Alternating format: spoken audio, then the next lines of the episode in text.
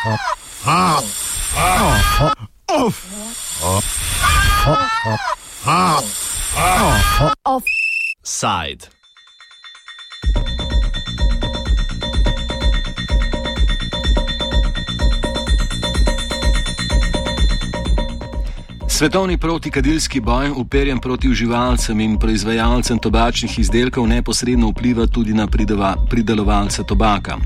V sektorju ne manjka vele posestnikov, predvsem v Indiji in predeljih Afrike, a značilnost mnogih držav je, da so glavni nosilci pridelovanja tobaka majhni kmetje. Na kitajskem z največjim 38-odstotnim deležem svetovnega trga gojenje tobaka poteka na poprečno manj kot dveh hektarjih zemlje. Turški pridelovalci, teh je 600 tisoč, tobak pridelujejo na povprečno pol hektarja, medtem ko v sosednji Hrvaški 1400 družinskih kmetij v panogi ustraja s povprečno 15 hektarji. Predvsem na ta račun v večini primerov spodbujanje alternativnih kultur ne obrodi sadov, pa če tudi gre za okoljsko in delovno izjemno potratno panogo. Za hektar pšenice je potrebnih nekaj pod 10 ur dela, za hektar tobaka okoli 700.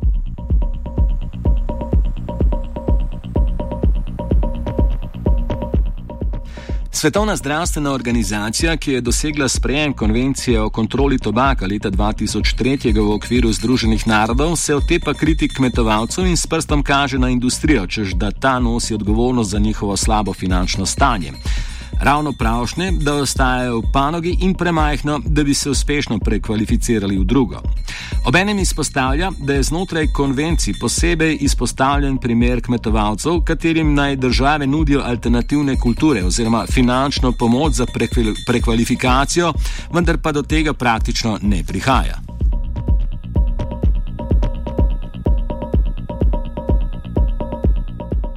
Pridelovanje tobaka bo ob dve odstotni letni rasti trga, predvideni za naslednje desetletje, cvetelo še naprej, a tudi zaradi bolj rigorozne politike Evropske unije na tem področju še naprej upadajo, upadalo na tem območju, ki že tako ali tako predstavlja nizek svetovni delež, tri odstotni v primerjavi z 20 odstotnim pred pol stoletja.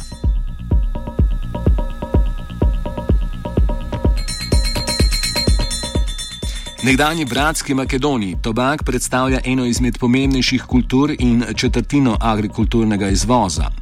Vladno politiko komentira predavatelj javnega zdravja na Skopski univerzi Vladimir Lazarajvik. Ona vodi politiko, da uh, umanji konzumacijo proizvoda iz uh, tutuna. a а са една страна и има ригорозна легислатива у погледу забрање забрањено пушење у свим локалима, у јавним институцијама и слично, а со друга страна субвенционира, односно подржава а, раст тутунових производа на свим нивоима, пре свега затоа што су то политички одлуки. Значи, со една страна влада и политички партии нису спремне да замене производно тутуна са неким алтернативним билкама кои што би исто така могли би бити како да кажем, не само мочи да донесу приход људима кои што се тиме баве, али за тоа е потребна подршка која што би трајала у рок од неколико година. Сада за сада алтернатива замене тутуна со неким другим билкама е компликована и таа се практично не дешава. Така да ми имамо забрано користење тутунских, тутунских производа и субвенција да се тутун узгаја. И само то чини едну абсурдна ситуација, која што у принципу Македонија е нормална. Значи, ми живиме у абсурдна ситуација у сим другим сегментима, така да ово нас нешто повише не изненажува. Hrvaški kmetovalce, teh je od leta 2009 za približno 20 odstotkov manj, je še posebej prizadelo pridruževanje Evropski uniji.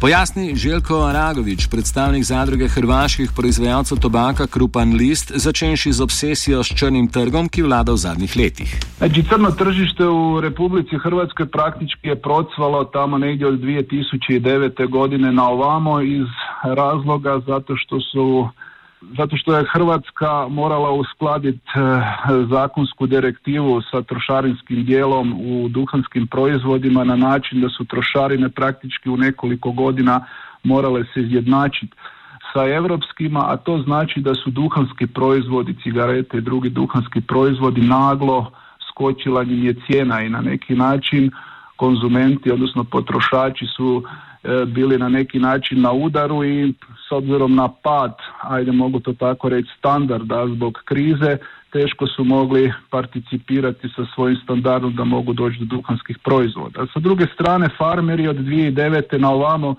imali su strašan rast e, troškova u proizvodnji duhana, a sa cijenom to nisu praktički uspjeli pokriti, odnosno cijena duhana je već godinama otprilike ista ili ajde možemo reći nekakav mali postotak je išao gore, no međutim troškovi su znatnije rasli, tako da negdje otprilike 2013. godine imamo određeni pad proizvodnje duhana za cirka 1200 hektara ili negdje cirka 22-23%.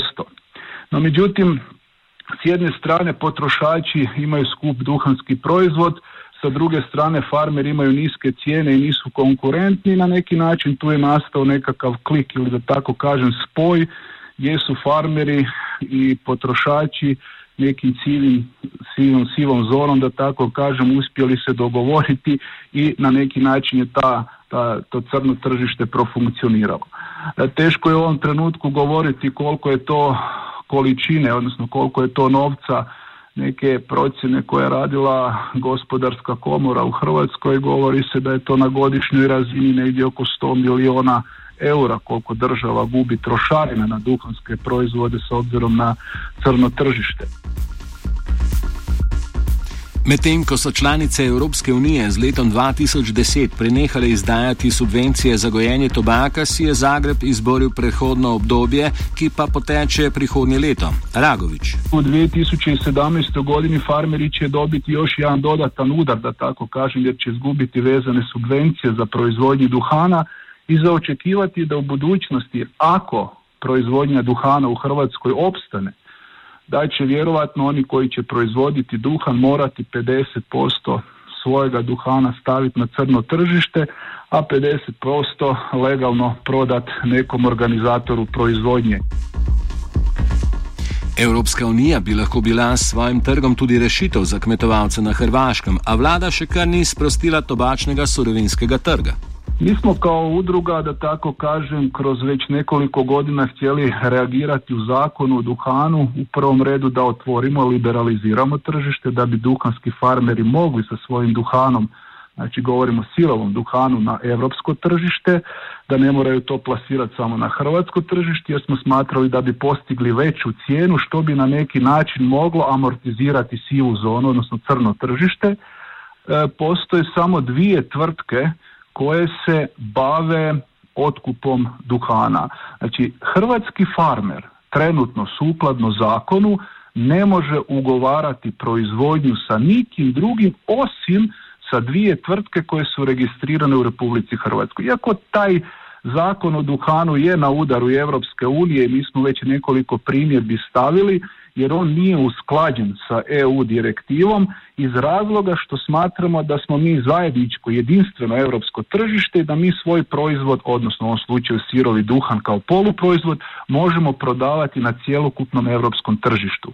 Tako da se tu sad još uvijek, da tako kažem, mi smo u nekom vakumu, ajde možemo reći, ali ja se nadam da u narednih godinu, dvije definitivno taj zakon će se će se ovoga promijeniti. Kad govorite o monopolistu, onda vjerovatno možemo govoriti da je to dosadašnji bila Adris grupa ili TDR bio u njihovom sastavu, a sada 80% TDR-a drži hrvatsku proizvodnju duhana, da tako kažem, a većinski vlasnik je od prošle godine bili jel tako? Cena surovega tobaka na Hrvaškem danes sicer znaša 40 odstotkov poprečne cene v Evropski uniji.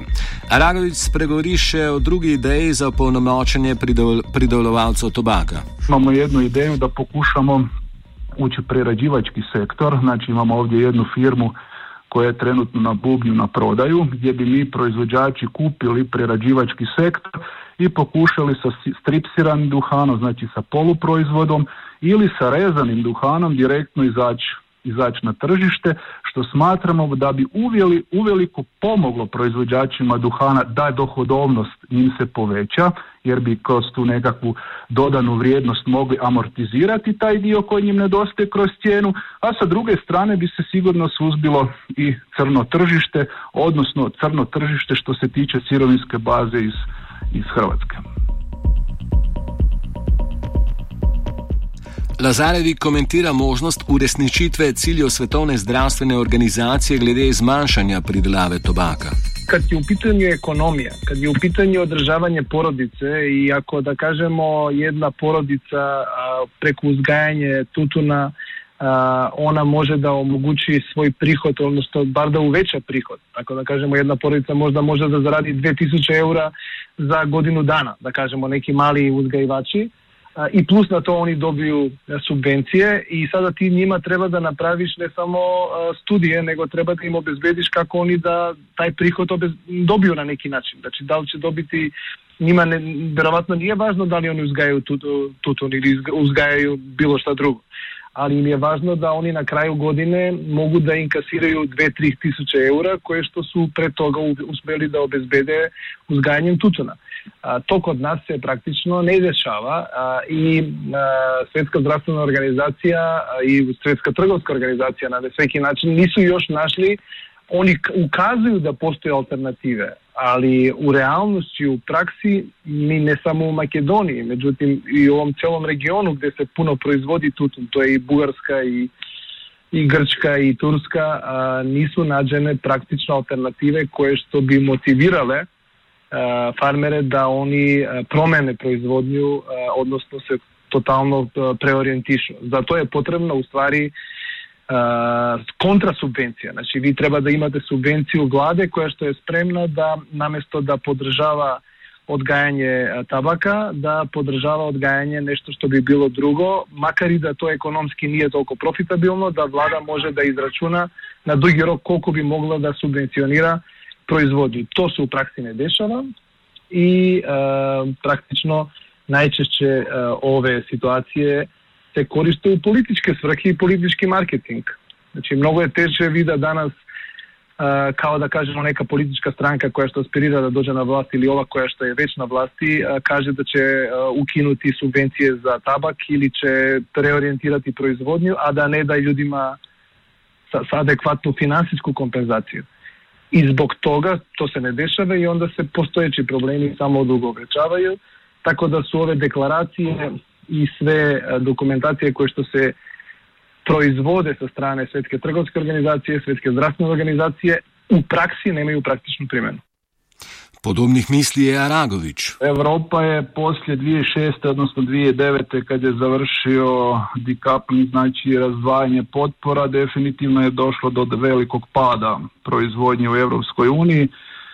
No međutim, kad govorite o konvenciji o kontroli duhana koja je potpisana, odnosno koja je donesena još u Ženevi 2003. godine i osnovni cilj je definitivno bio da na neki način farmerima, znači samim proizvođačima se omogući neka alternativa na njihovom području da se mogu uzgajati druge kulture.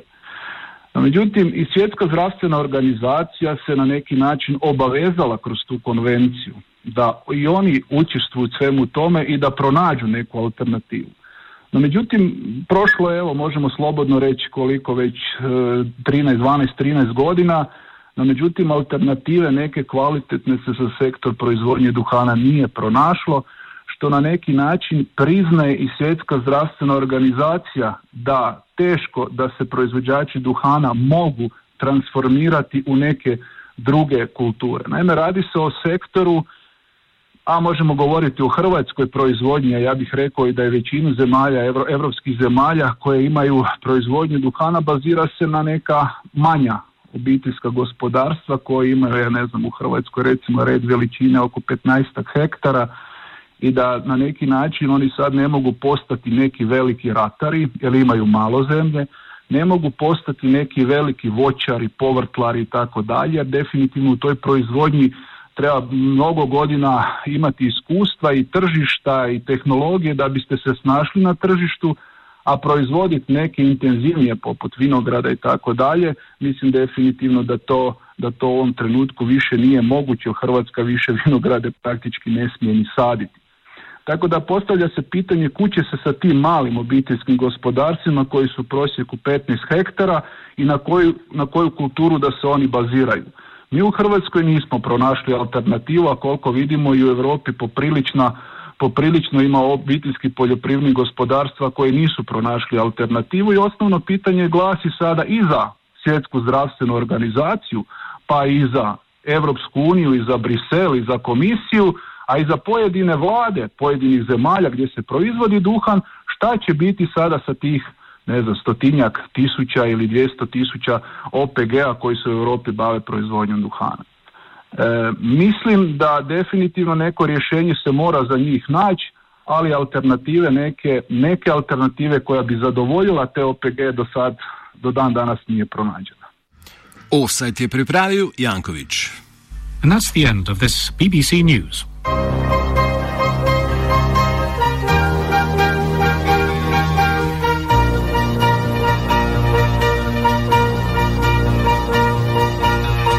Radio za gluhe ta moment je radio študent.